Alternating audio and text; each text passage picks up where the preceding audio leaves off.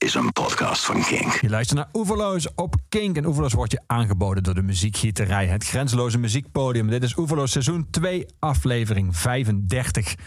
En mijn gast vandaag in Oeverloos is schrijver Thomas van Aalten. Thomas, welkom. Dank. We gaan het hebben over en bespreken naar aanleiding van uh, Een Vrouw van de Wereld, jouw nieuwe roman. Uh, om een beeld te geven van de tijd waarin die roman zich afspeelt, wil ik eigenlijk beginnen met een nummer waarvan uh, de hoofdpersoon even de hoes memoreert. En memoreert dat die hoes zo obscene was. Dat is uh, het openingsnummer van Sticky Fingers van Rolling Stones. En dat is dit nummer.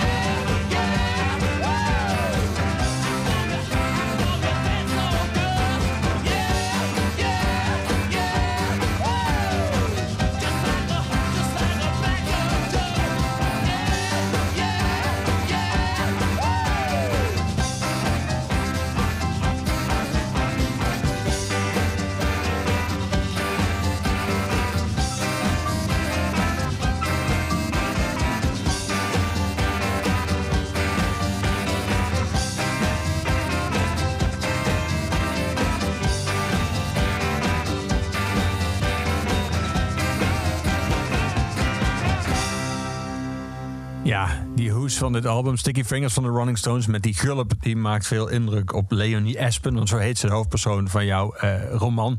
Want de muziek waar ze meestal mee in aanraking komt... dat is muziek zoals deze. En geen zorgen, deze ga ik niet helemaal uitdraaien.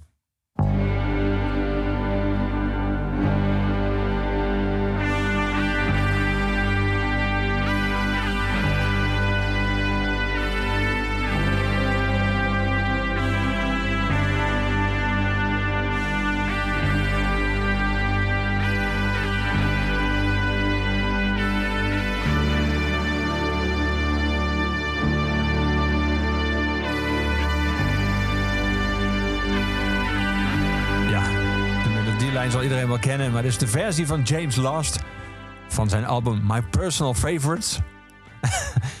nee, Leonie, ik moet dat even uitleggen, Leonie Espen. Uh, en daarvoor heb ik een kleine passage uit uh, roman die ik even wil uh, voorlezen. Dan heb je meteen een beeld van Leonie en van haar man Dick en wat voor leven die hebben.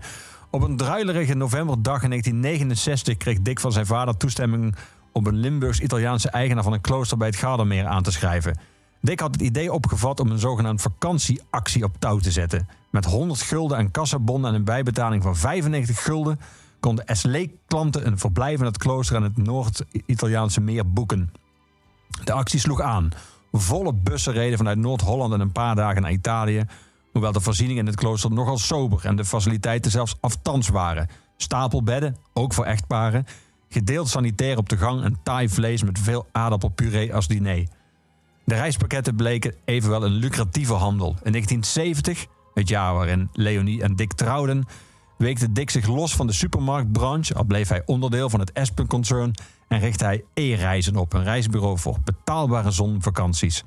Twee jaar na de oprichting had E-reizen meer dan 15 reiswinkels in Noord-Holland. Het was een miljoenenbedrijf geworden. En het hoofdkantoor was inmiddels in een kantoorgebouw in Amsterdam-Zuid gevestigd. Dat is Dick. Zo komt hij aan zijn geld.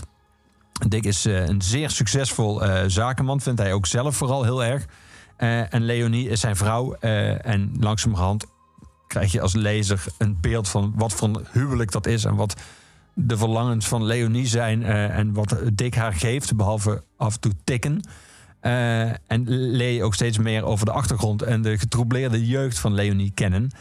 deze twee mensen, Leonie en Dick, hoe, hoe kwamen die in het hoofd van jou terecht? Zal ik James Las even wegdraaien? Want misschien leid je dat een beetje af. Uh, ja, of het inspireert me juist. Oké, dan laat ik hem staan. Je had er ook mee kunnen openen, zit ik nu na te denken. Ja, Hoe komen Dick en Leonie in het hoofd van Thomas van Aalten?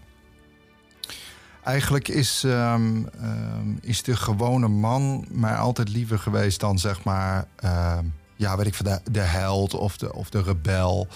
Mensen in de marge heb ik altijd interessanter gevonden. Dus als je een gemiddelde tram in Amsterdam hebben we natuurlijk trams. Als je daarin kijkt, dan ben ik niet zo geïnteresseerd in de mensen met de grootste bek. Maar juist de mensen die een beetje, ja, misschien verwees naar buiten kijken. En hoewel Dick natuurlijk een, uh, ja, een heftig karakter heeft en vrij uh, zich, zich bijna bombastisch uh, ja. in het leven ehm, voortbeweegt. Is Leonie iemand die in de marge groeit. Dus terwijl hij een steeds grotere bek heeft, ben je eigenlijk benieuwd naar haar naar haar leven. En, ja. daar heeft het mee te maken, denk ik, mijn fascinatie voor uh, outcast. Ja. Onopvallende mensen. Ook wel enigszins de tragiek van het alledaagse. Daar, uh, ik denk dat daar heel veel uh, verhalen in zitten. Nu speelt dit verhaal zich af. Ik noemde net al twee jaar. Het hadden 1969, het jaar waarin uh, Dick de toestemming kreeg van zijn vader om die eigenaar van het klooster aan te schrijven. 1970, het jaar waarin zij trouwden. Jouw roman speelt zich af begin jaren 70. Dat heeft enorm veel consequenties natuurlijk voor uh, de zeden van die tijd. Voor uh, allerlei referenties, culturele referenties. Ook voor auto's. Je beschrijft auto's waarvan ik echt moest op. Oh ja, zo, die Volvo die zag er zo uit. Uh, ook een tijd voor jouw tijd. Dus jij moest ook terug. terug ook voor je eigen jeugd nog gaan. Um, zat er veel verrassingen in de jaren 70 voor jou? Of, of, of kom je eigenlijk achter dat je eigenlijk best wel veel weet nog van die periode? Hoewel je hem niet bewust hebt meegemaakt eigenlijk? Eh, ik ben natuurlijk meer een kind van uh, zeg maar mijn vroege jeugd, vooral herinneringen in de jaren 80 ja. en, tot wasdom gekomen in de jaren 90 en 0. En um, ik denk dat het eerder een, iets zegt over deze tijd. Dat, ik ben echt niet de enige auteur die, die schrijft over een periode die hij zelf niet heeft meegemaakt. Ik denk dat die tijd, um, en dan heb ik gewoon die tijd oh, oh, eigenlijk voor, uh, voor onze tijd dus de, uh, laten we zeggen, de multicross-mediale tijd... Uh, waarin niets is uh, wat het lijkt, waarin je eigenlijk nu moderne technologie amper nog begrijpt... omdat het zich steeds zo exponentieel ontwikkelt. Ik denk dat die tijd vrij behapbaar is voor verhalenvertellers. Ja. Dus dat je ook vrij lineair ehm, je verhaal kunt, kunt neerzetten. Dat Omdat het leven zich ook toen eigenlijk meer lineair exact, afspeelde. Exact. Dus dat je... Um, er zit natuurlijk een uh, interessante uh, verhaalontwikkeling in. Als je iemand kunt opbellen Ehm, je hangt op, je onderneemt actie, ik stap in de auto en ik ga naar die muziekwinkel. In plaats van, oké, ik hoor een liedje Shazam met, uh, heb het op Spotify staan. Dus, maar ik denk dat het, dat het dus een, een breder, um, bredere ontwikkeling is. Dat, dat mijn generatiegenoten op zoek gaan naar de verhalen van, nou ja, soms ook wel eeuwen voor ons. En mm -hmm. daar weer fictie van maken. Omdat het juist ook wel heel veel zegt, juist over deze tijd. Ja. Dat um, uh, het was nog niet. Uh, uh, de drukproeven waren nog niet klaar. Of de, nou ja, natuurlijk de hele um, Black Lives Matter um, beweging die kwam tot een soort eruptie. Um, omdat, je, omdat er eigenlijk bloot werd gelegd in, in hoeverre wij als, als uh, witte mannen nog steeds eigenlijk uh, 1-0 voorstaan bij uh, mensen van kleur. En in mijn boek komt het lelijke woord neger echt heel vaak voor. Heel vaak? Ja. En dat is niet omdat ik dacht, haha, dan kan ik, uh, kan ik dat woord eens ge uh, gebruiken, een alibi voor een, een scheldwoord. Nee, maar het zegt ook wat over die tijd, een, een, andere kant van die tijd. Want we hebben natuurlijk een beeld van de jaren zeventig als, als iets dat past bij vrijheid, blijheid, bont gekleurde um, kleden. We, we, waren, we ontdekten onszelf, hè, die, die iconische foto van de PSP. PSP, ja, bevrijd. bevrijd. Maar daar zit natuurlijk, dat is maar een topje van de ijsberg. Er zat nog ja, heel veel conservatisme um, in onze maatschappij. Nog heel veel um, had, de, had de kerk een flink aandeel. Dus ja. ik heb uh, denk ik met dit boek ook die keerzijde van de medaille proberen in kaart te brengen. Ja, die rol van de kerk in, het, uh, in de jeugd van Leonie, die blijkt eigenlijk in het tweede deel van het boek, komt dat veel heel scherp naar boven. Uh, ik moet even zeggen, hoewel ik zelf uit Limburg kom, dat ik uh, toen ik dat las, dacht, oh, was dat echt zo heftig? Was de, de maatschappelijke impact en, en, en, ook rijkwijde van de macht van de kerk zo groot? als jij beschrijft, heb jij, wat, wat, heb jij zelf ooit te maken gehad in jouw jeugd met nog iets van de restanten van de macht van de kerk? Nee, en ik denk dat je hier ook wel weer een interessante angel hebt te pakken. Um, juist omdat ik een vrij, uh, um, nou, ik zal niet zeggen oninteressante, want, maar, maar heel on, onschuldige jeugd uh, ja. gehad. Dan denk je dat dat het, uh, het universum is. Dan, um, dat van daaruit, als dat jouw referentiekader is, dan komt er ook juist, zeg maar, alles wat daar aan toorn komt, komt veel harder binnen. Dus ik ben daardoor juist ook gefascineerd door, door alle grenzen van het, van het fatsoen, van maatschappijen, van. Um, um, eigenlijk van alles wat, wat niet gemiddeld of uh, oninteressant is. Dus om terug te komen op je vraag uh, uh, of ik zelf ooit um, willow slachtoffer ben geweest van een geval van bezetenheid. Nee, dat niet. Als zullen, als zullen andere. ik dacht, misschien, ik dacht ook in iets mildere vorm wellicht dan dit, meteen dit. Maar wat grappig dat je onschuldig, ook als het over jezelf gaat, althans in je jeugd dat je dat ook met, in één adem noemt met oninteressant. Uh, ja. Het is een soort variant op wat therapy ooit bezongen is. Happy people have no stories. Mm, ik denk eerder dat het te maken heeft met, uh, uh, met een ontwikkeling waarin de, het personage um, of de verteller steeds meer zeg maar één is met de schrijver. Ja. En ik ben denk ik misschien wel een van de, uh, een van de auteurs die, uh, die zichzelf eigenlijk heel weinig in een, in een boek schrijft. Ja. De, de, paar keren dat ik het heb, heb gepoogd, liep ik ook hopeloos vast. Dat, is ook nooit, dat zijn ook nooit romans geworden, bedoel je, die pogingen? Ja, dat, dan, dan liep het echt vast in een creatief proces. Omdat ik dan toch weer niet genoeg van mezelf wil laten zien. En, en um, ik gebruik dan zelf altijd uh, uh, het voorbeeld van, ja, weet je, Steven Spielberg uh, maakte een film als E.T. Maar hij roept niet de hele tijd door de scènes van, nou jongens, ik ben ehm, ooit bevriend geweest met een alien. En toch zegt E.T. heel veel over, over Spielberg. En ik denk dus dat je mijn boeken wel mag zien als een soort inkijkje in mijn hoofd of in mijn brein. Maar dat het een soort gefilterde werkelijkheid ja. is. Ja, Noem je nou, uh, ik hoop dat je E.T. noemt, want het is een, een, film die heel veel over het wereldbeeld ook zegt van Steven Spielberg en ook de manier waarop hij cinema benadert. Uh, maar je zei net al van, ik ben zelf opgegroeid in de jaren tachtig. E.T. was neem ik aan voor jou dan een soort enorm cultureel, uh, een soort cultureel eikpunt voor jou filmjeugd in ieder geval? Of valt dat...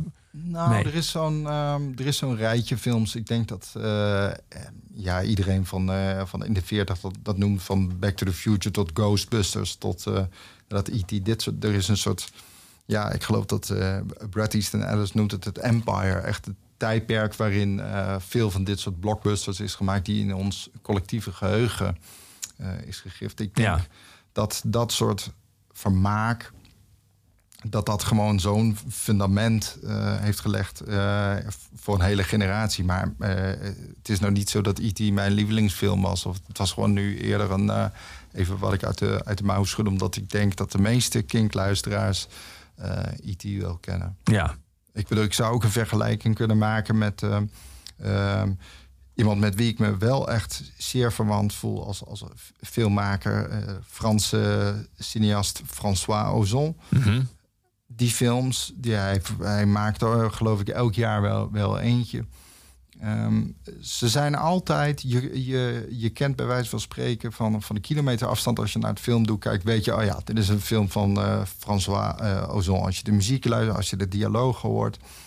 En ehm, hij zet eigenlijk met een, eh, een paar simpele grepen, want volgens mij hebben, de- hebben de films geen miljoenen budget, zet hij een, een verhaal neer vaak over ja, mensen die ook in, in ontwikkeling zijn, ehm, ontdekken hun ehm, eh, seksuele ehm, eh, wasdom. Ze, ze zitten in een, benauwend eh, milieu of in een, normaal rijtjeshuis. Maar je ziet onmiskenbaar dat het ozon is. En, maar als je al die films los van elkaar zou zien... en ik zou jou vragen, kun je een, een, ja, een, een of ander portret nu uitschrijven... waarvan jij denkt wat voor een, iemand dit is... dan blijft er ook nog wat te raden over. En dat vind ik geloof ik interessanter dan dat... ehm, als, als, als je mijn boeken zou lezen, dat je dan helemaal eh, alsof het is alsof je mijn dagboek hebt gelezen. ja, ja. ja. Dat Ozon bijvoorbeeld, die is eigenlijk, eh, eh, zo ben ik kunnen zeggen, de Franse Woody, Woody Allen qua productiviteit. en ook van Woody Allen weet je wel binnen twee dialogen dat je naar Woody Allen film zit te kijken. Als je niet al eerder weet dat je de, de, stad New York ziet bijvoorbeeld. Ehm, volg jij dan in, in het geval van Ozon bijvoorbeeld, volg jij al zijn werk? Dus kijk je ook, kijk je ook naar films eh, die minder goed ontvangen worden of die waarvan je vermoedt dat die minder dat je die minder goed vindt in zijn oeuvre? Is hij iemand die je gewoon, wiens werk jij gewoon bijhoudt? Ja, waar ik een seizoenskaart van, eh, van heb. Ik moet wel zeggen, het is fascinerend, want ehm, je- ontkomt niet aan dat eens in zoveel films, dan komt ook zeg maar de homoseksualiteit ook ehm, eh, voorbij. En hoe dat dan eh, voor mij is om als hetero daarnaar te kijken, daar had ik het met mijn vriendin over. Van waarom spreken die films me even goed aan zonder dat ik ehm, eh, me nou eh vereenzelvig met die karakters. En toen zei ze van ja, maar het gaat even goed over liefde. En of daar nou twee kerels staan te tongen of twee vrouwen of, of wie ook. Het gaat dan bijvoorbeeld over, over liefde. En dat is, ehm, eh, dat is universeel. En, en daarom vind ik het, vind ik het eh, eh, kan ik ook bijvoorbeeld de, de boeken van Reven nog steeds ehm, van genieten. Ondanks dat er eh, dingen in beschreven worden die ik zelf bij wijze van spreken niet in mijn slaapkamer doe. Maar ehm weet je, thema's als de dood, ehm, eh, of in elk geval sowieso sterfelijkheid, verval, diepe romantiek. Ja, dat vind ik heel herkenbaar.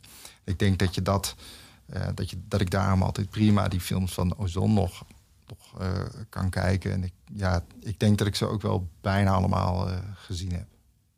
Ja. Hoe is dat als je het vergelijkt met popmuziek en literatuur? Hoe vind jij dat een, een filmmaker die ouder wordt en weer een oeuvre bouwt, hoe die zich ontwikkelt? Dus sommige artiesten vinden heel veel mensen dat hun eerste plaat of een, een jonge, bijna alle artiesten tegenwoordig, die de meeste fans willen oud werk horen. Dat is van sommige schrijvers eh, wordt ook beweerd. Uh, Reven is natuurlijk eh, misschien wel het beste voorbeeld van dat. Dat eh, het, meest krachtige werk, eh, dat dat een eerste werk was, of dat dat een soort blauwdruk was voor wat, alles wat daarna kwam. Is, dat, hoe is dat in cinema, vind jij? Als je iemand zoals Ozon kijkt, hoe zich dat ontwikkelt, vind je hem dan eigenlijk steeds interessanter worden? Of denk je, nou, ik weet eigenlijk ongeveer wel wat jouw kijk op cinema in de wereld is, alleen ik vind het leuk om er elke keer opnieuw een hoofdstukje van te zien? Ehm, ik denk wel dat het belangrijk is dat iemand zich hoe dan ook zelf wil ont- ontwikkelen. Dus als die zegt van ah, ik wil wel een, een betere film maken dan de voorgaande. Want anders dan beland je op de automatische piloot. Dus ja, je hoeft jezelf niet helemaal volgens mij opnieuw uit te vinden, want dan wordt het ook kunstmatig. Maar ik denk wel dat als de intentie is van artiest, en of dat nou een schrijver is, of een filmmaker of een muzikant is, van ja, ik wil weer iets van mezelf uh, ontwikkelen, dan vind ik het uh, interessant. Dus daarom ben ik ook, ook niet gevoelig voor ja, artiesten die zeg maar de hele tijd hetzelfde trucje doen. Dan, ja, daar raak ik op uitgekeken. Ja. Ik wil muziek draaien, Thomas. Uh, muziek die je aanhaalt als uh, motto van je roman. Nina Simone. Hoe kom je bij dit nummer terecht in relatie, neem ik aan, tot Leonie?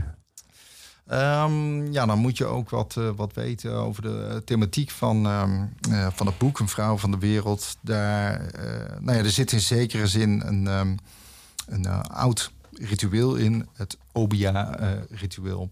Het is eigenlijk een soort, soort voodoo, of in elk geval een um, uh, bovennatuurlijke krachten komen daarbij kijken. En um, Nina Simone heeft een, um, eigenlijk een bewerking gedaan van een nummer van een, uh, volgens mij, een meneer met een naam, wiens naam even is on, ontschonen, maar, ontschoten. Maar zij heeft een eigen variant hiervan uh, gemaakt. Het is gewoon, zij heeft zeg maar een soort traditional, ja. heeft zij bewerkt tot iets moderns. En dat is uh, Obia Woman. Ja, ik draai zeg ik even meteen bij het origineel van haar. Althans, het is geremasterd, maar het is wel gewoon een versie van iets Want ik kom ontzettend veel remixen van gemaakt, zag ik, van dit nummer. Oh. Maar die zijn niet allemaal even geslaagd. Dus laten we gewoon Nina Simone zelf... 21 minuten ook? Of, uh... Ja, ook, ook, hele lange. Ja. Die was bij het hele ritueel even wat uitgevoerd. Ja. We gaan gewoon luisteren naar Nina Simone zelf met Obia Woman.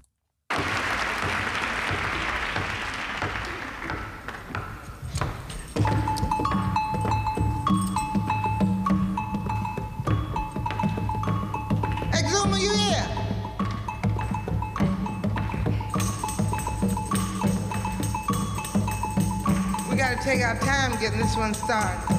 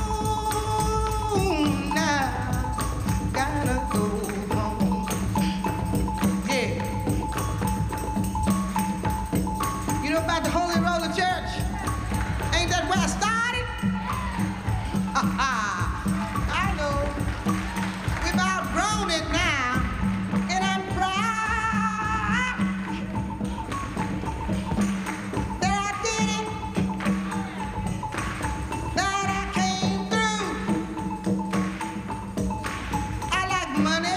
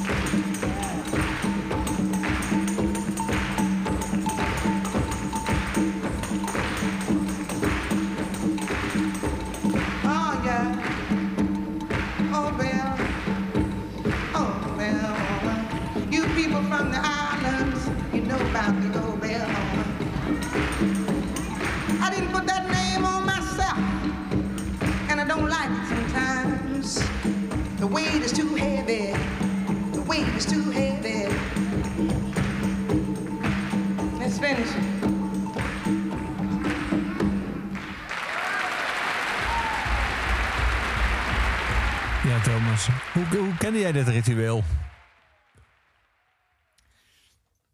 Hoe kende ik dit ritueel? Nou, ehm, wat ik interessant vond was, eh, ik vertelde aan het begin van, ehm, eh, van dit gesprek over de, hè, dat ik geïnteresseerd ben in de gewone man. Ja.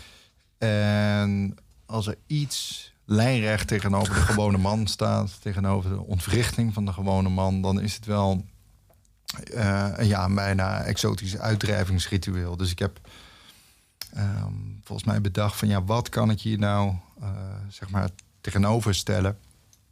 Welke, welke wereld eh, staat hier nou lijnrecht tegenover? En ik, ja, ik, ik vond het een interessant gegeven om die uit te staan, elkaar te verbinden in een, eh, in een boek. Ja. Dus dat was mijn vertrekpunt. Net als, ehm, weet je, een- een- een- je kent, iedereen kent denk ik wel de schilderijen van ehm, eh, Edward Hopper. Hè, van die typische taferelen waarin meestal een, een verhaal of nog gaat plaatsvinden of heeft plaatsgevonden. Maar er is in elk geval een soort verstiltheid. Ja. Er staat de absolute dramatiek tegenover. En die dreiging van zo'n schilderij, dat is ook wel iets wat, wat ik ehm, wilde, wilde neerzetten in, in dit boek. Dus je ziet als het ware de hele tijd scènes waarbij je die vrouw en die man, dus Dick en, en Leonie, als een soort karakter zijn de Edward Hopper schilderij zich ziet ehm, ontwikkelen. En dan uiteindelijk in een soort ja, bijna eruptie of een, bijna droomachtige sequentie zie je de achterkant van die, eh, van die wereld. Dus eh, ja, zo. Ja. Grappig dat je Hopper noemt. Dat, dat schilderij, de beroemde schilderij van hem. eh, aan het begin van corona, van COVID-19. En dan kan hij zag overal op Facebook en social media varianten op dat schilderij van die lege bar. Werd heel, heel vaak is dat geciteerd, zeg maar, om deze tijd uit te drukken.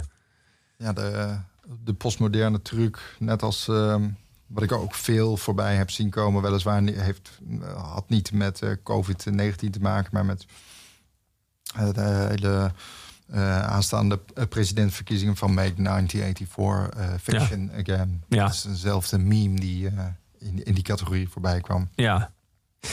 Het grappige is, je zei net dat als je een boek schrijft dat zich afspeelt in een andere tijd, een tijd die voor ons ligt, dat die ook eigenlijk daarmee heel veel zegt over onze tijd.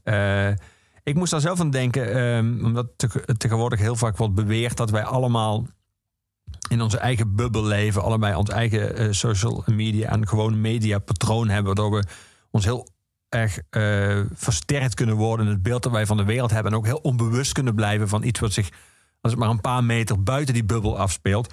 Ik moest eraan denken toen ik las, d- onder meer deze passage, en die gaat dan over Leonie. Net zo min als dat ze de tram naar het centrum nam. Het centrum van Amsterdam, daar kwam ze zo min mogelijk. Het lawaai en het gespuis boezemde haar angst in. Gedrogeerde gekken, schreeuwlelijkers, artistieke nozems en andere herrieschoppers. De demonstraties en happenings in de stad gingen volledig aan de Espens voorbij. Ehm, het grappige is, het beeld van de jaren 70 is natuurlijk bij mij ook dat dat. Dat, dat, dat, dat die, eh, die beweging die toen in de hand was, dat die eigenlijk door iedereen werd gedragen. Dat bijna iedereen daaraan meeging. Terwijl het natuurlijk ook toen heel mooi of heel wel mogelijk was dat bijvoorbeeld zo'n eh, Dick en Leonie een, letterlijk een paar kilometer verderop in dezelfde stad gewoon zich opsluiten in een huis, in een villa. En daar juist verre van blijven. En ook helemaal niet meekrijgen eigenlijk. En misschien op het journaal toen nog. eh, wat zich afspeelt. Dus eigenlijk geen vraag realiseer ik me nu ik het zeg. Maar ik moest er gewoon aan denken toen ik het las.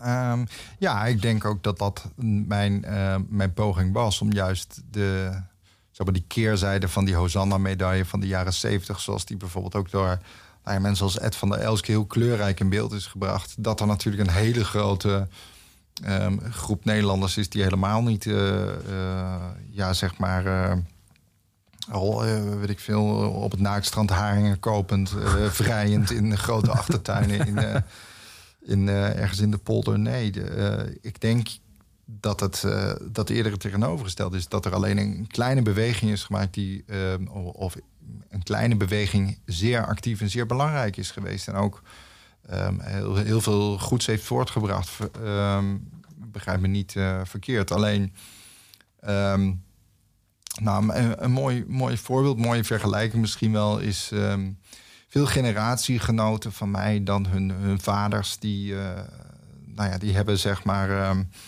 weet ik veel, Dylan of de band of eh, Neil Young in de, in de platenkast staan. En ehm, eh, dat was bij mij, bij mijn vader, die van 1946 is, helemaal niet eh, het geval. Hij sowieso heeft eh, eh, niet zoveel met, eh, eh, met popmuziek, ook nu nog niet. Maar hij was eh, als tiener fan van Cliff Richard. En eh, nou, daar zal, zal natuurlijk door de echte Neil Young en, en Dylan-fans eh, wat eh, honend over worden gesproken. Over Sir Cliff. Maar dat geeft alleen al aan eh, ja, dat daar ook een andere kant is. Tegenover elke, eh, nou ja, bijvoorbeeld net van, van Jagger, van... ehm, tegenover elke sticky vinger staat wel een zeer deugdelijke, nou ja, eh, geef maar een variant. Als je die top 40 uit die tijd bekijkt, al zal het misschien niet de top 40 hebben maar dan staan er ook gewoon hele, ja, eh saaie, bedeesde of Nederlandstalige dingen die we al lang meer vergeten zijn. En, en dat vind ik juist interessanter dan, de, nou ja, zoals ik net al aangaf, de schreeuwlelijk die vooraan staat. Ja, ja. Het huis van eh, Leonie en Dick eh draait alleen af en toe muziek. En die wordt uiteraard door Dick gedraaid, want Dick is vrij dominant. Af en toe draaide Dick een LP van Neil Diamond of Elton John op een stereomeubel. Maar verder kwam het echtpaar niet in aanraking met mu- moderne muziekstromingen. Laten we naar Elton John luisteren. She packed my bags last night, pre-flight. Zero hour, 9 a.m. And I'm gonna be high as a kite by then.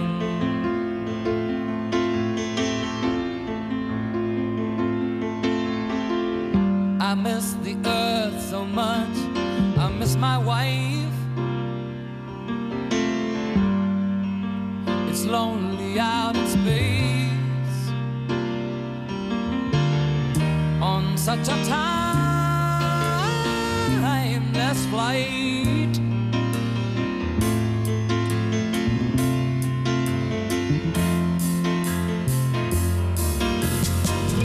And I think it's gonna be a long, long time till touchdown brings me round again to.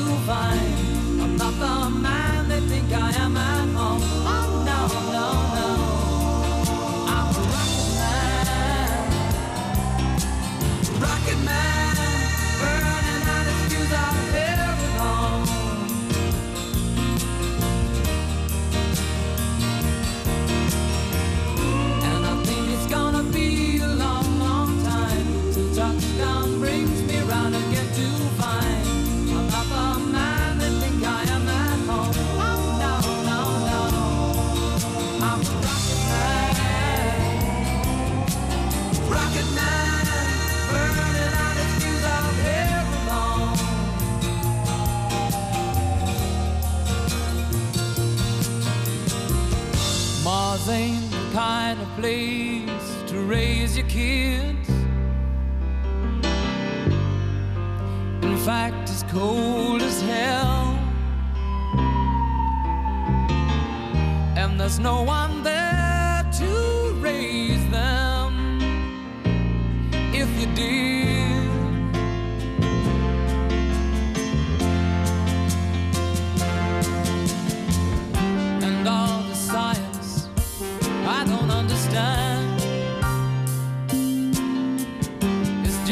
Job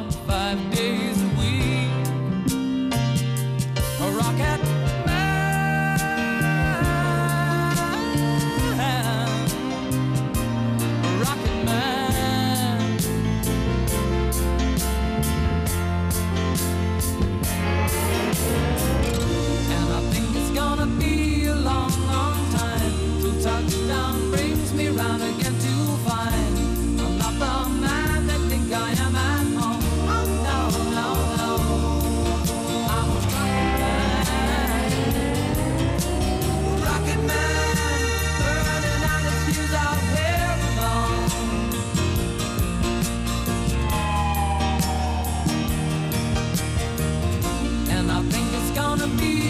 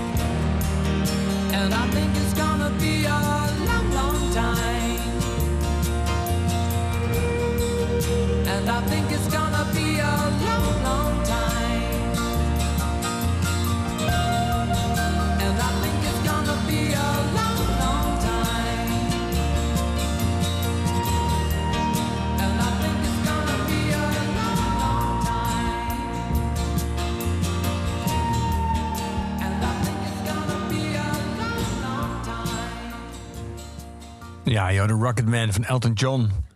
Een man wiens autobiografie vorig jaar verscheen. Een van de meest amusante rock-autobiografieën die ik ooit heb gelezen. Als je alleen naar die verschrikkelijke film bent geweest, vergeet die vooral en lees zijn autobiografie. Die is echt geweldig, van Elton John. Een van de weinige moderne mu- muziekstromingen die eh, bij Dick, de hoofdpersoon van Een Vrouw van de Wereld, de nieuwe roman van Thomas van Aalten, op zijn eh stereomeubel terechtkomt. Thomas, eh, je hebt eh, Leon, Leonie en Dick niet alleen een ander wereldbeeld eh, gegeven en een andere, laten we zeggen, mate van nieuwsgierigheid naar andere werelden en andere culturen. Je hebt ze ook eigenlijk een klassenverschil toebedeeld.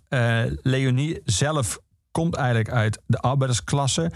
En Dick, wil, Dick heeft vooral heel erg het gevoel dat hij, zoals hij dat zelf zegt, dankzij zijn zakelijk instinct kan zij dit leven leiden. Eh, en op een komt er een passage waarbij je eh, hun, eh, waarbij zeg maar de, de wijk schets waar zij wonen.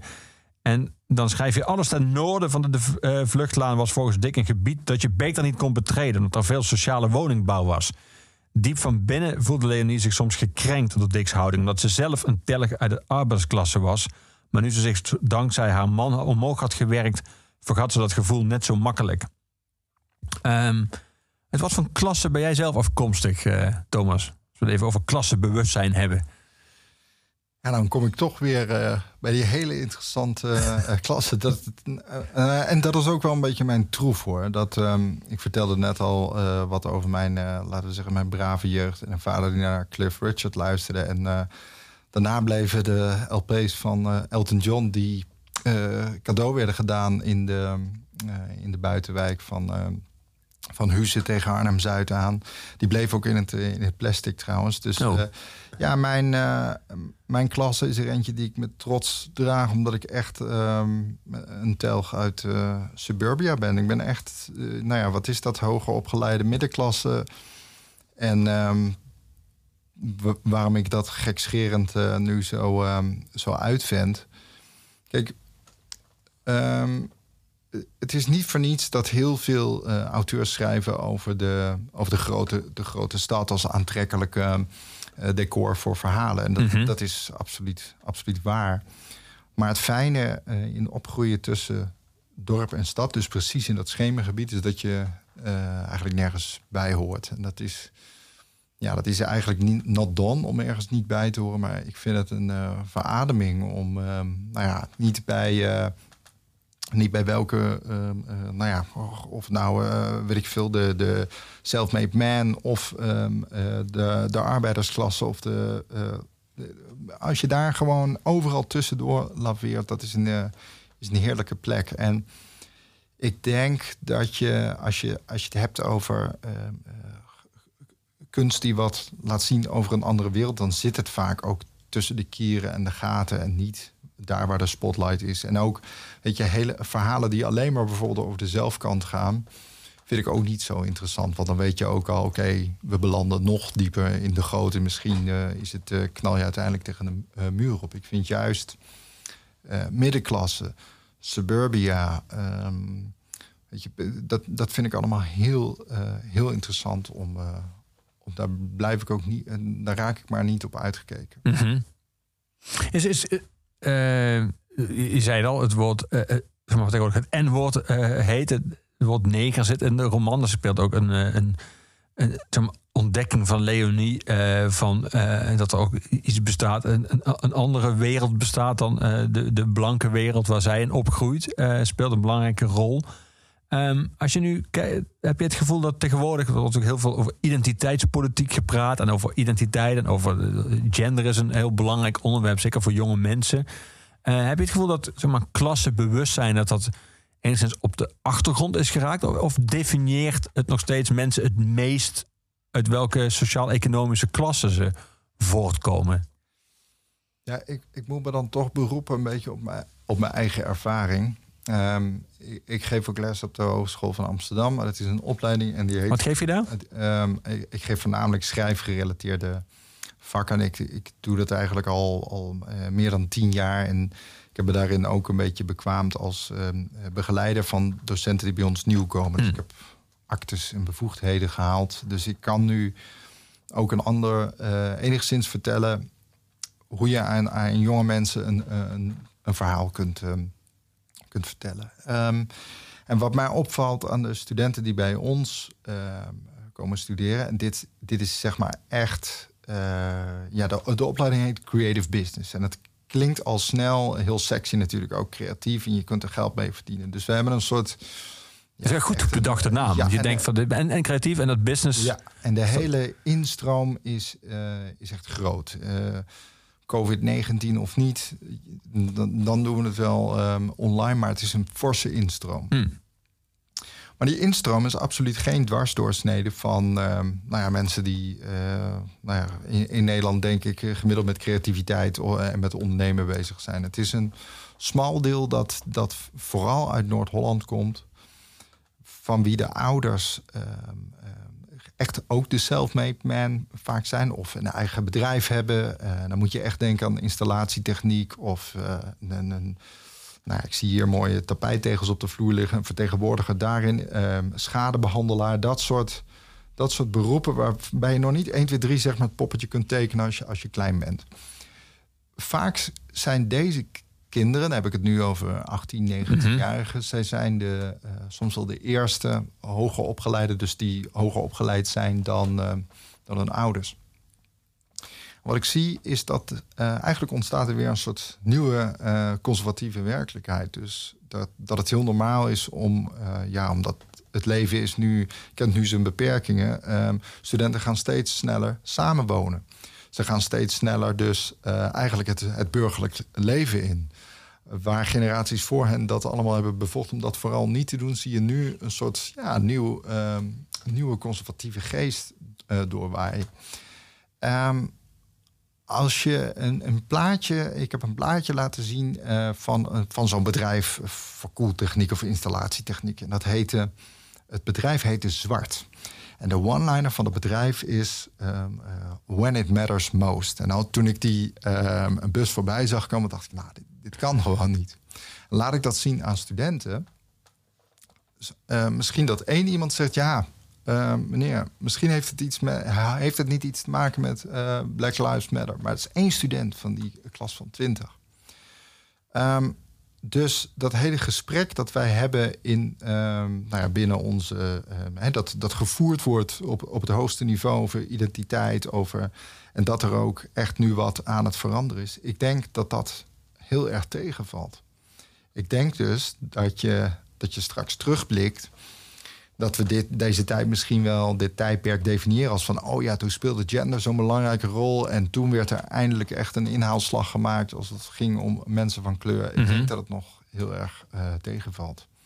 Dus ik denk dat, dat dat beeld, het gevoel dat je onderdeel bent van de revolutie, ik denk dat je nog niet eens de R hebt uitgetekend van het woord revolutie. Uitgeschreven. Dus ehm, en dat, dat houdt je ook wel met beide benen eh, op de grond. Eh, als je alleen al kijkt naar de geboortedata van, van deze mensen. Dat is allemaal na 9-11 geboren. Allemaal na de komst van de euro's. Ze zijn bij wijze van spreken geboren met een mobiele telefoon. Wat gaan ze doen op hun achttiende? Samenwonen met een, eh, vriend. Het is natuurlijk maar een, een klein deel. Er zijn genoeg mensen bij andere studies die, die wel... vast allemaal revolutionaire dingen doen. Maar ja, dat, dat, dit geeft ook wel aan dat er een ander soort, soort Nederland eh, is. En eh, dat, ja, soms dan eh, verlies je dat we wel eens uit het oog in bepaalde gesprekken. Ja, ja. Ik was in mijn, in mijn laptop aan, het zoeken naar alles wat ik over jou had. Mijn Thomas van Aalten archief. Toen kom ik nota bene, ik heb eh, toen bij de vorige carnatie van Kink, King FM, eh, had ik een tijdje lang een, eh, een soort op en neerschrijf, een correspondentiecolumn met de grote Arjen Golleman, de geestelijke vader van deze zender, die helaas niet meer onder ons is. En volgens mij 19 jaar geleden schreef ik Arjen. Gisteren had ik Thomas van Aanten te gast in Oeverloos. Zijn tweede boek, Tupelo, is zojuist verschenen. Hij had Drum Rhythm bezocht, een ordentelijk festival, stel- stelde hij met enige walging vast. Sushi en designkleding, rock'n'roll gehalte nul, de scheiding der geesten leek voldaan. Van Aalt had zich vreselijk gestoord aan Radiohead op Pinkpop. Nu houdt hij toch al niet van die muziek en van Tom Jooks in het stemmende bijzonder. Hij zei in Oeverloos, ik word nog meer ontroerd door het geluid van een winkelkarretje. Maar de nadrukkelijke wij mijden de rockclichés van de houding, eh, houding van de band was wat hem betreft het dieptepunt.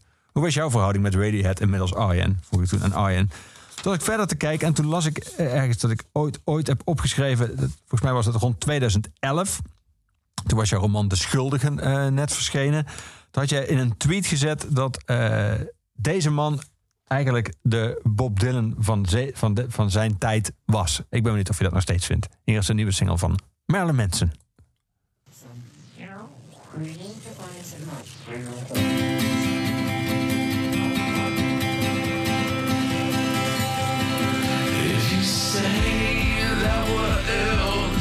Us your pills. Hope will just go away. But once you've inhaled death, everything else is perfume. Maybe I'm just a mystery.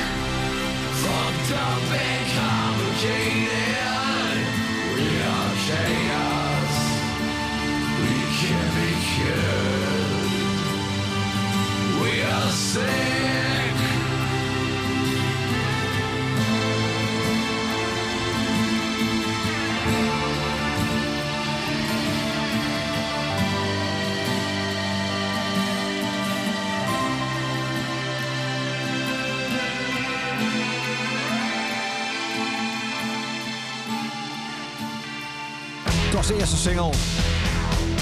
En het is het tweede nummer van eh, het gelijknamige album We Are Chaos van Marilyn Manson. Ik vind een van zijn beste platen ooit. Maar ik weet het een oude liefde voor jou is. Is er nog steeds een liefde? Goh. Ik kreeg de indruk dat je nou voor de eerste keer hoorde het nummer. Ja. Is ook zo. Eh, Ja, en het is, ehm, eh, het is grappig. Dat ik, ik zag namelijk wel in de, in de stad notabene de posters eh, aangekondigd. En, en dit verraadt al wel dat het voor mij dus een verrassing was. Want ik heb hem een paar jaar eh, eigenlijk als een soort eh, ja, uitgerangeerde figuur eh, beschouwd. Ook het, ja, de optredens. Ik kan me iets herinneren in het klokgebouw in Eindhoven... Ja. die echt eh, rampzalig zijn verlopen. Maar niet zo mooi als iemand die weer uit de assen reist. En door dit nummer ben ik in elk geval wel weer ge- getriggerd. Maar overigens, wat je net voor ter, ter inleiding Ja, vertelde, die anekdotiek. ja. Ehm, ik, ik betrapte me er vandaag ook op. Ik zag een, een herinnering, want Facebook doet dat. Dat is, hè, dat is een soort eh, geheugengenerator die bepaalt voor jou wat je je herinnert. en ik vergeet heel veel van wat ik heb eh, geschreven. Dat is eigenlijk heel bevrijdend, want dan kan het tot of, hè, wat je net omschreef, kon ik een beetje omgniffelen. Ik dacht ook wel van, ja, ja, is dat nou, eh, dat nou nodig? Maar ehm, ik, ik vind het niet zo prettiger om altijd jaren later weer dingen te herzien. Dus dat je kunt zeggen, nou, eh, zo geweldig was dat nou, of zo walgelijk was dat nou. Want, ehm, en ik heb ook speciaal in mijn, ehm, voor mijn website, heb ik aan mijn webmaster, wat gewoon een, ook buitengewoon een goede jeugdvriend is, heb ik gevraagd van, wil je alsjeblieft zorgen dat de zoekmachines niks indexeren dat ouder is dan twee jaar? Want anders worden de dingen tegen mij... eh, gebruikt. Dus dat vind ik heel prettig om dan toch via de nullen en de ene je imago nog een beetje te bewaren. Want eh, je moet er toch niet aan denken dat, eh, ja, dat altijd maar alles van jou onthouden en goed gearchiveerd. Ik ben ook heel slordig met, eh, met archieven. Ik ontdekte laatst, jij noemde net het boek Tupelo. Ja. Dan ben ik gelukkig nu terug bij mijn uitgever die dat Ja. destijds heeft uitgegeven. Dus ergens staat die nog wel in druk daar in de kast. Maar ik ging laatst mijn kasten opruimen. Ik heb volgens mij fysiek dat ding heb ik niet meer, dat boek. En dat vond ik een hele bevrijdende gedachte. Dat Je bent echt de eerste auteur ooit in Oeverloos die zijn eigen werk duidt als dat ding.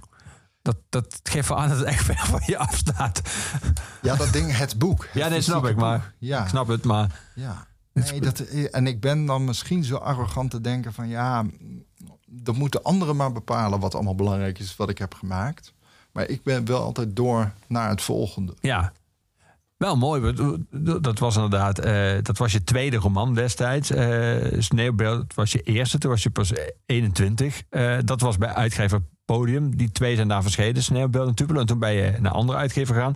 Je hebt echt behoorlijk wat uitgevers gehad inmiddels. Maar nu ben je terug bij Joost Nijssen, de man bij wie je begon. De man die jou als 20, 20-jarige jouw eerste boekcontract ooit gaf. Ja. Ehm, hoe voelde dat om zeg maar, een, ja, bijna een half leven later weer bij je eerste uitgever, die inmiddels ook natuurlijk, eh, hij zijn uitgever eh, geweest van Alex Bogers en Ronald Gippel en Kluun. En die zijn inmiddels ook allemaal bij uit, andere uitgevers terechtgekomen. Dus die heeft ook mensen zien komen en gaan. En die heeft ook eh, grote successen gekend en, en, en, en enorme tegenvallers. Dus die heeft ook een heel twintig jaar lange turbulentie meegemaakt. En dan opeens ben je weer samen. Ja, we, eh, uiteindelijk denk ik dat je. eh, er is een interessante time stretch. Want inderdaad, nu ben ik twee- 42. Dus ja, ik zou bij wijze van spreken de vader kunnen zijn van de jongen die dan debuteert. Ja, Dat kan allemaal, eh, fysiek, biologisch. En tegelijkertijd ehm, eh, is er in die, in die eh, 20 jaar of 21 jaar is heel veel gebeurd, maar ook weer niet zoveel gebeurd. Je bent nog steeds bezig met het maken van verhalen. Joost Nijs is nog steeds bezig met het uitgeven van verhalen. En ehm, dus daar is iets interessants aan de gang. Dat tegelijkertijd groeit dat huis. De, de inrichting die, die dijt uit en je legt nieuwe vloeren en eh, nieuwe gordijnen. Maar tegelijkertijd blijft dat huis aan de buitenkant, ja, dat, dat groeit niet mee of zo. Ehm, en dat, dat is hier ook aan de hand. Dus ehm, ja, weet je, je hebt van die mensen die ehm, eh, tot ver in de, in de 80 of in de 90 nog, eh, nog werken en, en zeggen van ja, eigenlijk is er niet zoveel verschil met toen ik ehm, eh, 25 was. En dat heb ik dan ook wel weer een beetje. Er is, er is nog steeds een heel groot deel in mij. En dat hangt waarschijnlijk ook samen met het feit dat er, ja, behalve eh, scheidingen en kinderen die geboren zijn en een aantal verhuizingen, maar verder is er niet zo heel veel veranderd in mijn, eh, in mijn leven. En in dat eh, van Joost School, ik en de uitgever niet helemaal tot de- achter de voordeur. Maar dan is het gewoon meer van, oké, let's do it. Laten we dan, ik bedoel, een, mooier kan haast niet dat je elkaar dan weer terugvindt in een creatief proces. Ja. In een klein interviewtje op de website van Podium, toen je, toen je weer toen bekend had dat je weer terug was bij Podium, dat je opnieuw getekend had bij Joost Nijssen, eh, zei je dat het literaire landschap, toen jij begon, dus eh, het was 21-jarige met, eh, met sneeuwbeeld, eigenlijk heel, heel anders uitzag. En, je zei toen, grote, de grote drie vervaagden en werden vervangen door vele enen. Lezers kochten minder en schrijvers schreven steeds meer. Ehm, nu gaf je net al aan, je werkt op de hogeschool. Dus je hebt heel veel te maken met jongeren, jongeren van 18, 19, 20 jaar. Ehm er wordt natuurlijk veel gepraat over eh, leesgedrag en leesbevordering en, enzovoort. Ben, ben, jij, ben jij optimistischer dan sommige van de geluiden die af en toe doen denken dat eh, zeg maar de laatste generatie die leest dadelijk het pand sluit? Mm, Ja, het is een. ehm, Het is een interessante discussie, maar ook een vermoeiende discussie. Er spelen namelijk heel veel. Ehm, er zijn heel veel ontwikkelingen. Je hebt aan de ene kant eh, gewoon het, het boekenvak. Maar het is wat anders dan, laten we zeggen, de, de, de groep lezers. Studenten van mij lezen heel veel. Maar wat zij lezen, daarvan zijn misschien de uitgevers van de klassieke eh, uitgeverijen dus niet altijd goed van op de, op de hoogte. Is dat erg? Of is dat, eh, eh, houdt de jonge lezer zich dan bezig met eh, te veel met young adult en lectuur? eh, en is de uitgever te veel in de ivoren toren? Nou, ik denk dat, eh, dat het interessant is om, om die twee werelden. ehm, ja, ik weet niet of je ze dichter bij elkaar moet brengen. Maar ik, ik ben niet van, die, ehm, van de school dat het. ehm, dat het, dat het ten onder gaat. Het verandert alleen. En taal is bij uitstek een, zeg maar het geschreven woord. Iets dat altijd aan verandering Mhm. eh, onderhevig is geweest. Dus ehm, ik denk dat ehm, de gemiddelde eh, docent Nederlands op een middelbare school... die is vrij klassiek geschoold. Dus als je kijkt naar de lerarenopleidingen... die hebben echt nog de authentieke ehm, eh, literatuurlessen... waar ook heel veel van te leren valt. Maar ja, die literaire wereld is natuurlijk zoveel veel groter. Ik zou... ehm, ik, ik ben op dit moment bezig met het eh, coördineren van een, van een vak... en dat heet verhalen en dichtvormen. Nou, ik ga me echt niet houden aan ehm, wat, wat een, eh, een educatieve uitgeverij mij voorschrijft. Ik haal overal wat vandaan uit elk tijdperk. En dan kun je zien bijvoorbeeld dat er best een eh, lijn te trekken is van... nou ja, noem in dit geval Ik, ik noemde net Marilyn Mans, maar of eh, die draaide. Maar de- goed, dat is nu ook een oude zak voor, voor veel studenten. Maar ik denk dat je veel meer lijntjes kunt trekken dan alleen maar van jongens, dit is de kanon, dit is de geschiedenis. Literatuur is iets dat ehm, een soort bastion is wat jullie nu mogen betreden. Nee, ik denk dat je dat, dat verhalen vertellen en, en luisteren naar verhalen, verhalen lezen iets van, ehm, eh, van ook van morgen is. Ehm, je gaat mij niet vertellen dat, dat mensen met eh, steeds minder plezier eh, verhalen tot zich nemen. Helemaal niet alleen de vormen zijn wat anders. Nou, daar komt het cliché weer van. eh, we kijken toch eh, eh, met z'n allen Netflix-series. Dat zijn toch ook de feuilletons van, van toen, zijn nu eigenlijk de Netflix-series. En de uitgever denkt, ik moet concurreren met Netflix. Ehm, maar als je vraagt aan Netflix, wat is je concurrent? Dan zal hij zeggen, de slaap. En ik denk dat, dat je als, eh, als uitgever, maar ook als schrijver... niet zo bang moet zijn... dat je niet de hele tijd een knieval moet maken van... oh jee, ik verlies de lezer. Echt authenticiteit of, of eh, originaliteit... dat zal nooit verloren gaan. Dus ehm, je kunt alle kanten op met eh 21ste eeuwse hologram-effecten, met een virtual reality bril en weet ik veel wat. Maar uiteindelijk een, een, een verhaal van een paar honderd woorden kan dat eh omverblazen en dus eigenlijk overbodig maken. Dus ik geloof best wel dat in de toekomst er minder boekwinkels zullen zijn. Maar ik geloof niet dat er minder eh, lezers of liefhebbers van verhalen zijn. Nee. Als je naar jezelf kijkt, als je bijvoorbeeld jouw eigen leesgedrag vergelijkt nu met toen je, waar we net over hadden, toen ik jou nog citeerde, 19 jaar geleden, toen Tupelo net was verschenen. Merk je zelf dat je minder bent gaan lezen of ook anders bent gaan lezen? Of is jouw eh, smaak heel erg veranderd? Of, Ik denk dat ik meer wil weten wat wat er speelt. Dus ik lees meer ook over eh, literatuur. En ik denk dat het verschil ook is als jij eh, net komt kijken op het, op het speelveld, dan zit het ook in je om je te definiëren door je tegen dingen af te zetten. En als je wat langer meedraait, nou ja, 20 jaar is misschien in sommige schrijvers ogen nog steeds eh, het begintijd, maar ga je ook eh, koesteren wat je definieert. Dus ik vind het eh, ook, wel weer, ook wel weer mooi hoe, hoe uiteindelijk als auteur je steeds meer tot een meubilair gaat, gaat horen. En dat bedoel ik positief. Dus dat, dat uiteindelijk eh, mensen ook wel zien van... oh ja, hij heeft een, eh een oeuvre in elk geval. Het is misschien niet het oeuvre dat in de eh, top 10 heeft gestaan... of de, de, dat de kastspect van uitgeverij Podium... maar het is wel een geloofwaardige auteur geworden en wel hierom. En ik ben heel erg geïnteresseerd in wat er ook nu verschijnt, zowel nationaal als internationaal. Soms lees ik wel eens een recensie in een katern en dan denk ik, ik moet het nog zien. En wat me ook wel een beetje zorgen baart, is dat eh uitgeverij heel erg inzet op... en daar haalde ik het in het begin van het gesprek ook even aan... de eh, vereenzelviging van de auteur en Ja. geschrevene. Want eh, ik vraag me af of dat een duurzame oplossing is. Want hoe ziet boek 5 eruit of hoe ziet bo- boek 10 eruit? Ik ben dan toch weer iemand die, die denkt in, in oeuvres. Maar ehm, ja, op een gegeven moment heb je, bedoel, je hebt je eigen leven wel leeggelepeld als, als schrijver. exact, ja, en dan ehm, ja, kun je dan nog, nog terug of zo.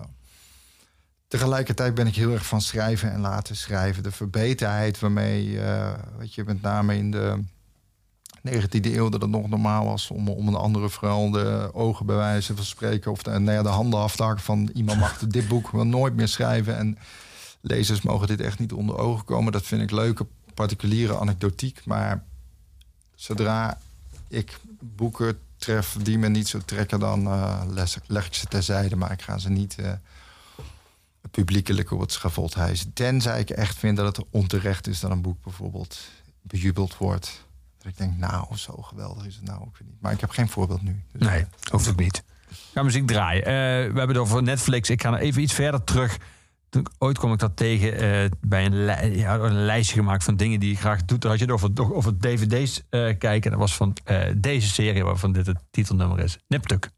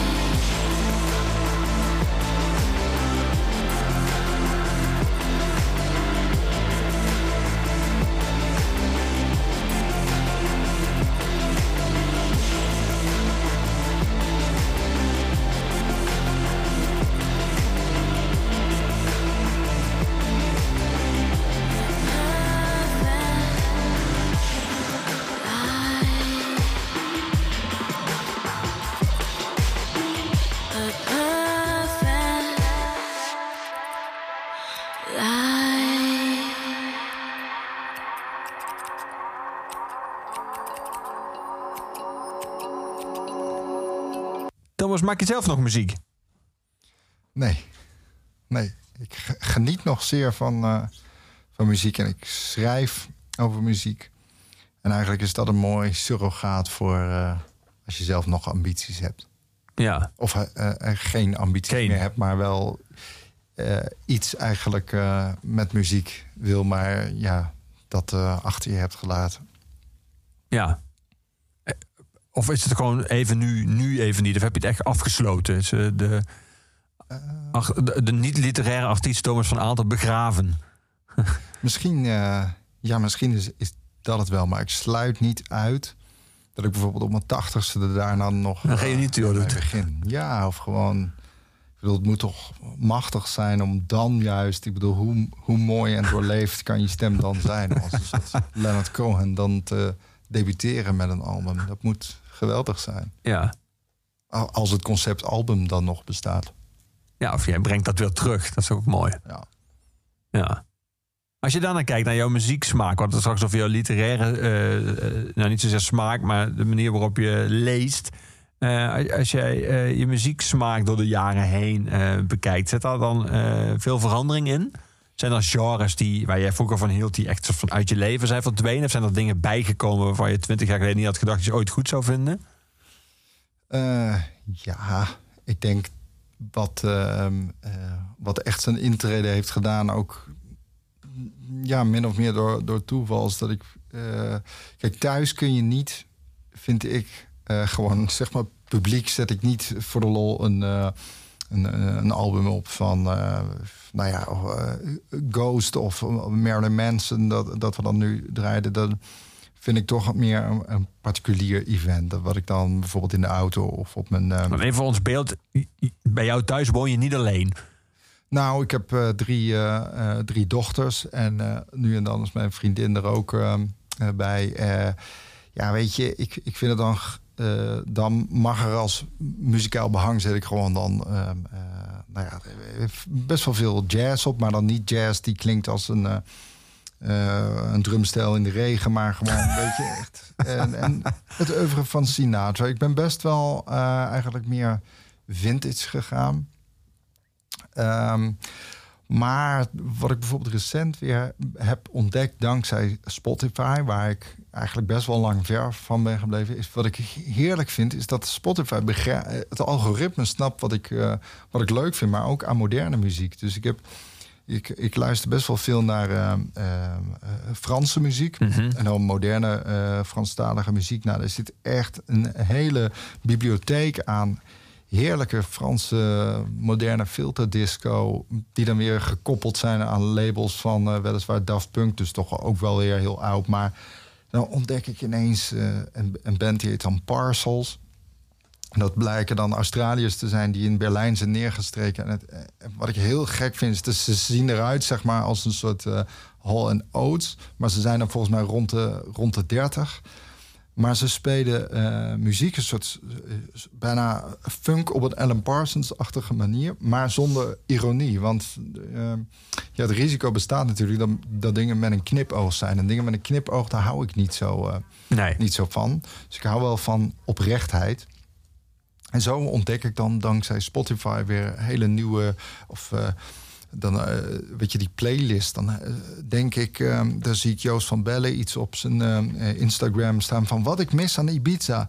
De Balearic Sound. Ik denk, wat is dat eigenlijk? En dan ga ik dat googlen en dan. Eh, oh, wacht, dat is een, een term voor muziek die uit die eh, streek dan eh, komt.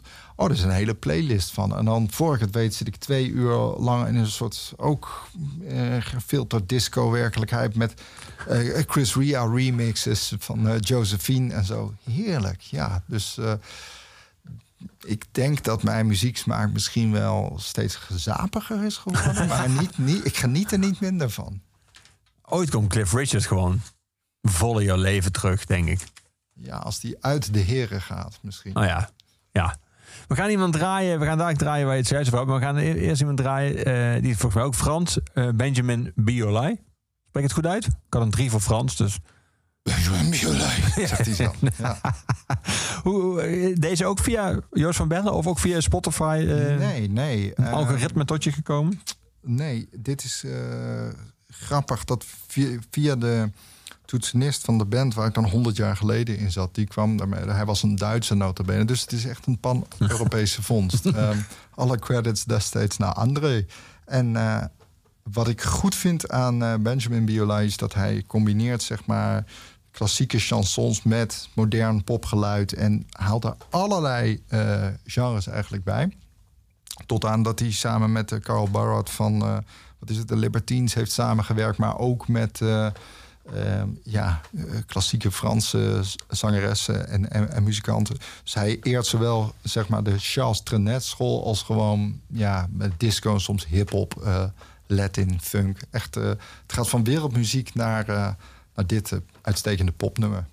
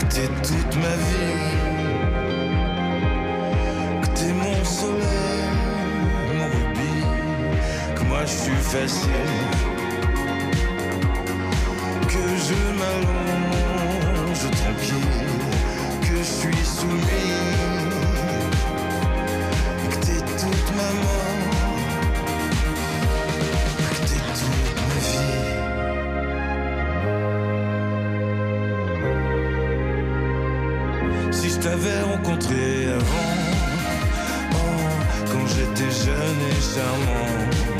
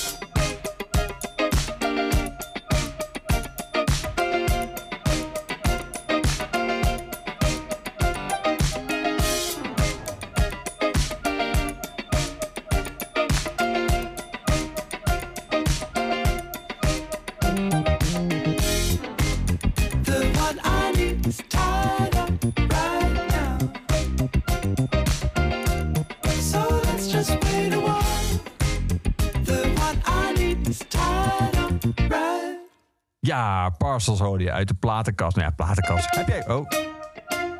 Gaat gewoon verder. Heb je, heb, je, heb je nog een platenkast, Thomas? Of een cd-kast? Ja, ik heb ehm, ja, twee eh, houten LP-kisten. Maar verder is het... eh, die, die, ja, die staan er dus als, ehm, als een soort openluchtmuseumstuk... waar ik af en toe op de platen spelen... die ook uit 1968 komt. Maar voordat mensen denken dat ik in een soort eh, inrichting als eh, de Kik eh, woon... dat, dat valt allemaal wel, eh, wel mee. Ehm, ik, nee, ik sta er v- eh, van te kijken ja, hoeveel geluk ik met dat Spotify heb. En toen zat ik laatst in de, in de auto en dan via Bluetooth gaat het ook gewoon over de, over de speakers Ja. natuurlijk. En toen dacht ik, ik ga eens modieus doen. En ik ga een soort top 10 van wat nu gaaf is op Spotify... ga ik luisteren met mijn dochters. Dus er zat veel autotune bij. En na, ik geloof na anderhalf nummer... zei mijn middelste dochter, die tien is... zei, doe maar weer gewoon jouw, eh, jouw liedjes. Want dit, is, dit, dit eh, trek ik niet. Dus dat vond ik dan wel weer boeiend. Dat ik dacht, Ja. nou, weet je wat? Ik ga gewoon eens de ja, gewoon niet die eh, knorrige vader zijn, maar ik ga eens iets modieus proberen op te zoeken. En eh, maar ze trok een bleek weg en dacht van nee, dit is niet ons eh, decor. Maar dat was echt de top 10 van de u- zeg maar, overall Ja, Ja, en wat, ja, wat, wat mij dan fascineert is dat er dan ehm, een, een nummer van, eh, van ja, wa- waarschijnlijk is dit een soort. oh, ehm, eh, eh, bestaat dit nummer al heel lang op, eh, op Spotify, maar het is zo'n zo'n variant van het nummer van Abel Ik Vertrek. Dus Ja. ik weet niet van wie het is, van Leeuw Kleine. Of, en ik dacht, wow, maar dat nummer is van, zich, van zichzelf al ja, weet je, dat, eh, hoe vaak luistert de mens dat nog? Maar kennelijk is dat door een soort jaren negentig revival... dan onder de huidige generatie weer, weer opgepikt. En eh, ja, ik krijg daar hele rare, eh, rare gevoelens bij. Ik zit echt, eh, hebben die mensen dan ook een TMF-logo tussen hun schouderbladen getatoeëerd? Ik was helemaal eh, ja, van de kaart daarvan. Die auto voor jou, is dat een Maserati Mexico of een mosterdkleurige Volvo 164? Nee, dat is een Ford Galaxy. Kijk, de Maserati Mexico was er voor de blikken van de buitenwacht, voor de show, de persreisjes en officiële werkbezoeken. Er was ook een meer praktische mosterdkleurige Volvo 164. Maar of Dick nu in de Maserati van de Volvo reed, hij had in beide auto's een zeer agressieve en weinig genadige rijstijl. Tijdens een van die monsterlijke ritjes in de Volvo 164 vertelde Dick weer over Park Brava, het prestigieuze hotelplan in de Costa Brava in Spanje. Ik meende even dat er toch iets van autoliefde in jou zat. Dat ik zo die, die auto's, denk, ja, die, dat zijn auto's die je niet, die, die noem je niet zomaar. Maar het valt wel mee, getuigen de Galaxy. Eh, ja, nee, een, een auto is gewoon een heel dankbaar gebruiksvoorwerp waar je. ehm, Ook wel identiteit aan kan toeschrijven. Als je hem dan niet zelf in het dagelijks leven ontleent, kun je wel bij iemand als Dick Ja, kun je wel een beeld van Dick vormen door zijn auto's. ja. Nee, maar dat, dat kun je helaas eh, eh, bij mij niet.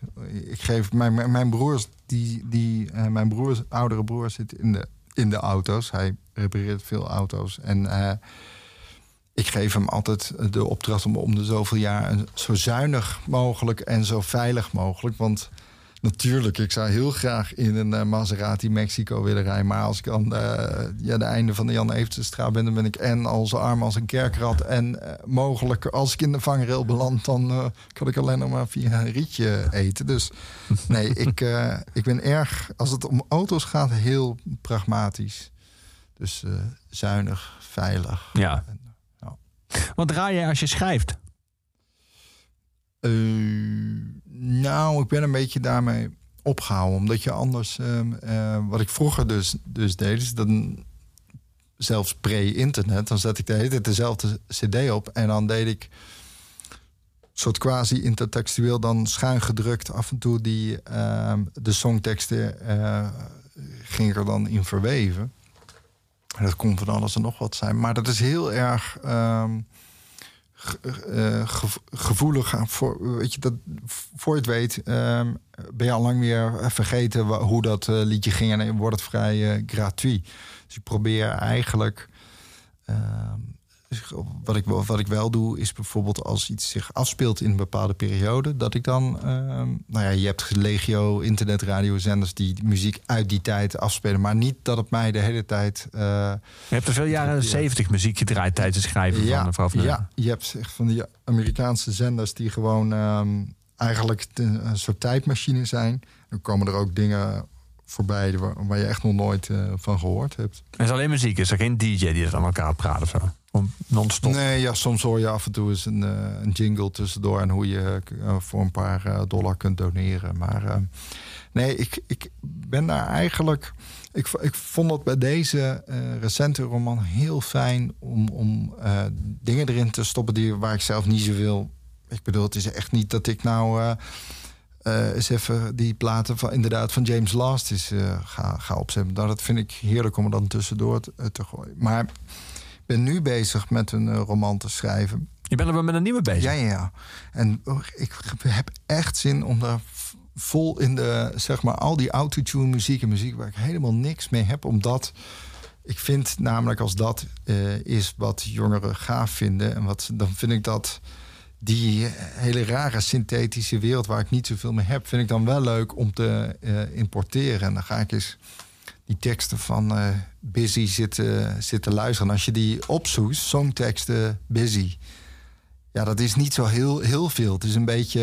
eh, Busy is voor de mensen die hem niet kennen een van de drijvende krachten achter ik doe niet meer mee, maar al snel deed Busy ook niet meer mee en ik doe niet meer mee. nee, en ik ben ook heel erg benieuwd naar de.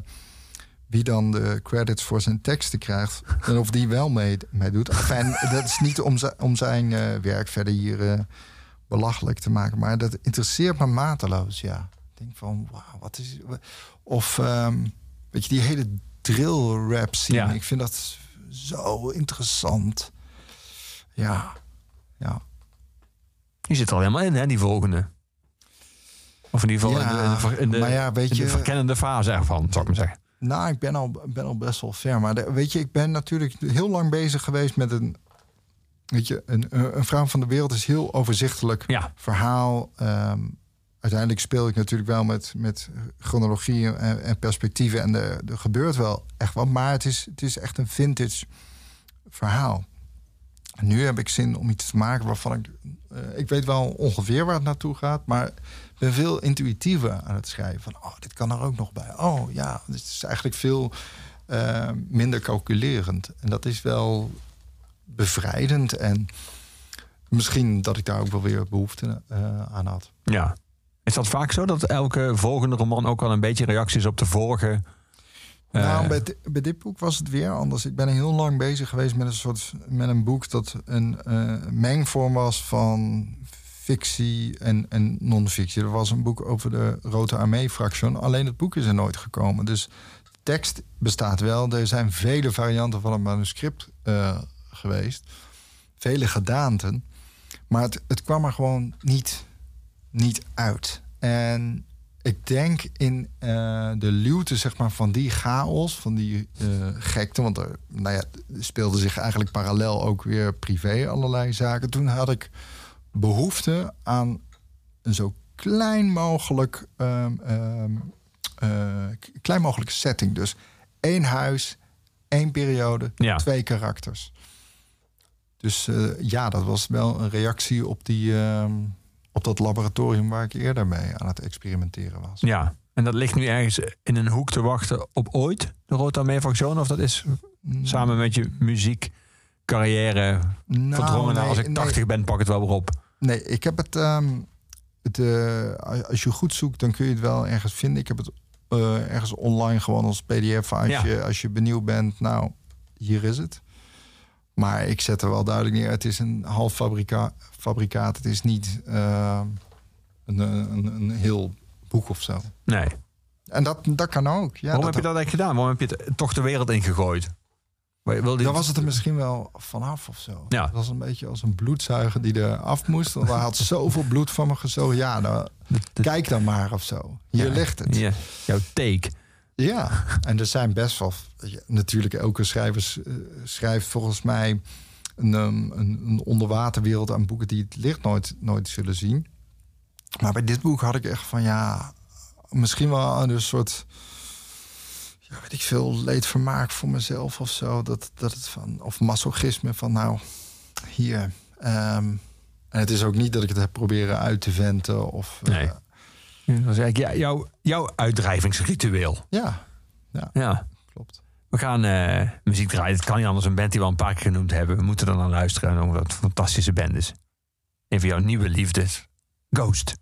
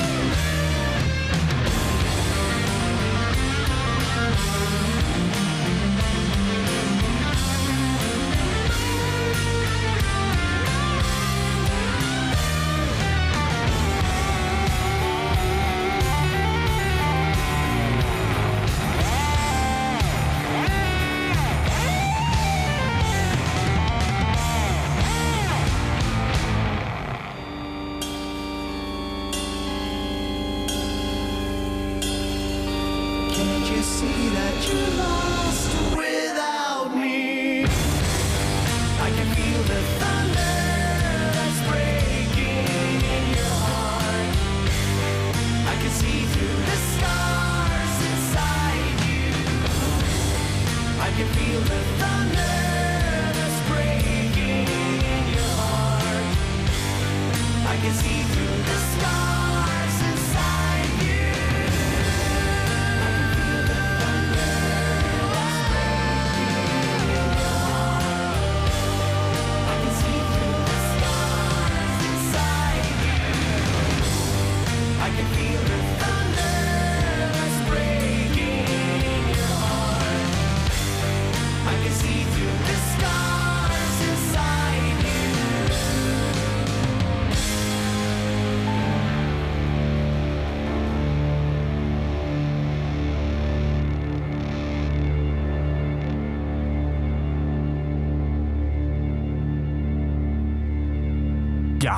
van jou. Mag ik dat zeggen? Een van jouw favoriete bands van dit moment? Ghost? Ja, zeker.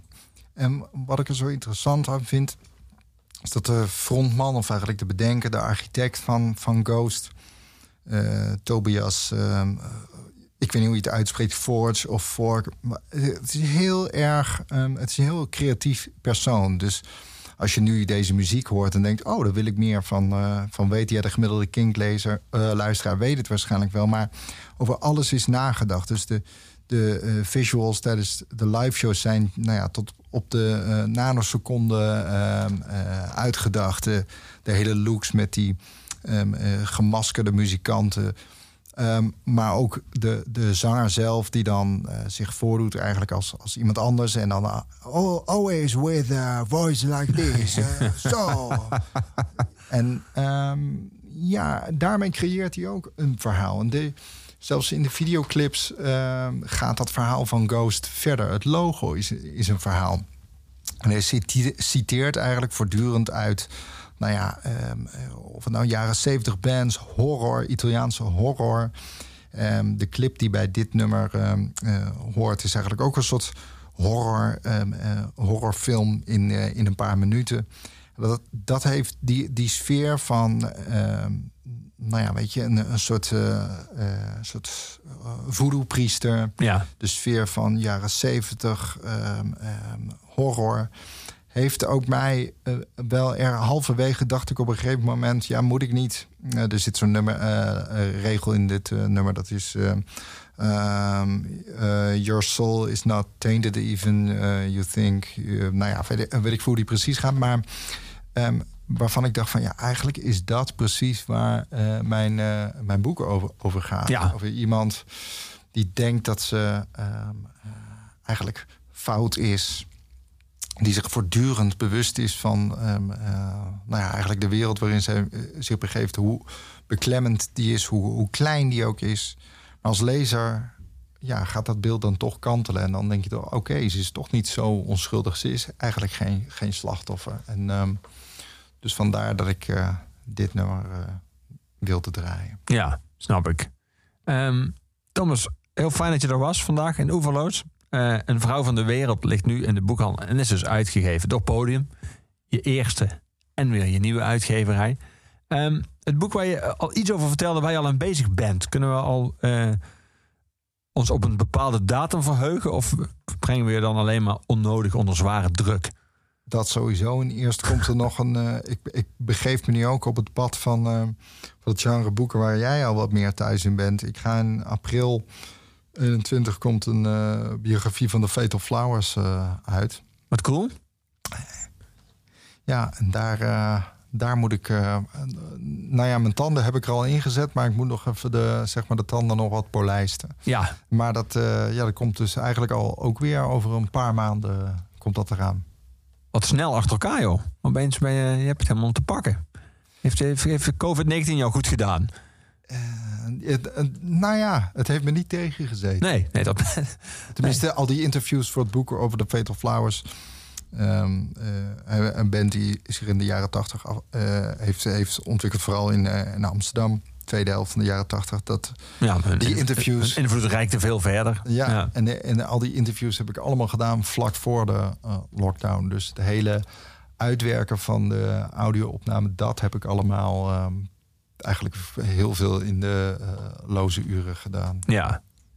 Dus ooit eind 2021 die volgende roman. Daarvoor eerst de biografie van Fatal Flowers. Maar nu eerst eh, Een vrouw van de wereld van Thomas van Aalten. Het was het einde van Oeverloos. Het echte einde is natuurlijk altijd aan onze postuum huisdichter. Aan Luc de Vos. Het laatste nummer van iedere Oeverloos is van Gorky. En ik kan deze Oeverloos, die werd aangeboden door de muziekgieterij natuurlijk, na Ghost. Maar met één nummer van Gorky afsluiten. Hier is Gorky met het nummer Satan.